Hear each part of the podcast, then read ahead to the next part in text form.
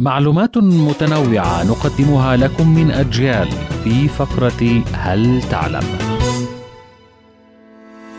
طريق عظام الحوت في سيبيريا تقع هذه المنطقة على بعد نحو 150 كيلومترا من ساحل ألاسكا ويوجد فيها بقايا عظام حيتان تشمل عظام الفك والفقرات وكان رأي العلماء في هذه المنطقة أنها عبارة عن مكان عبادة قديم يعود تاريخه إلى القرن الخامس عشر الميلادي. من سيبيريا إلى أستراليا بحيرة غريبة تسمى بحيرة هيلير لكنها ذات مظهر جميل.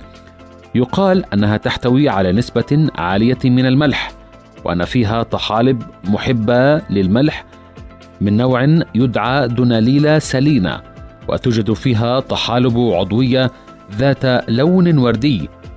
تكسب البحيرة اللون الوردي على مدار العام.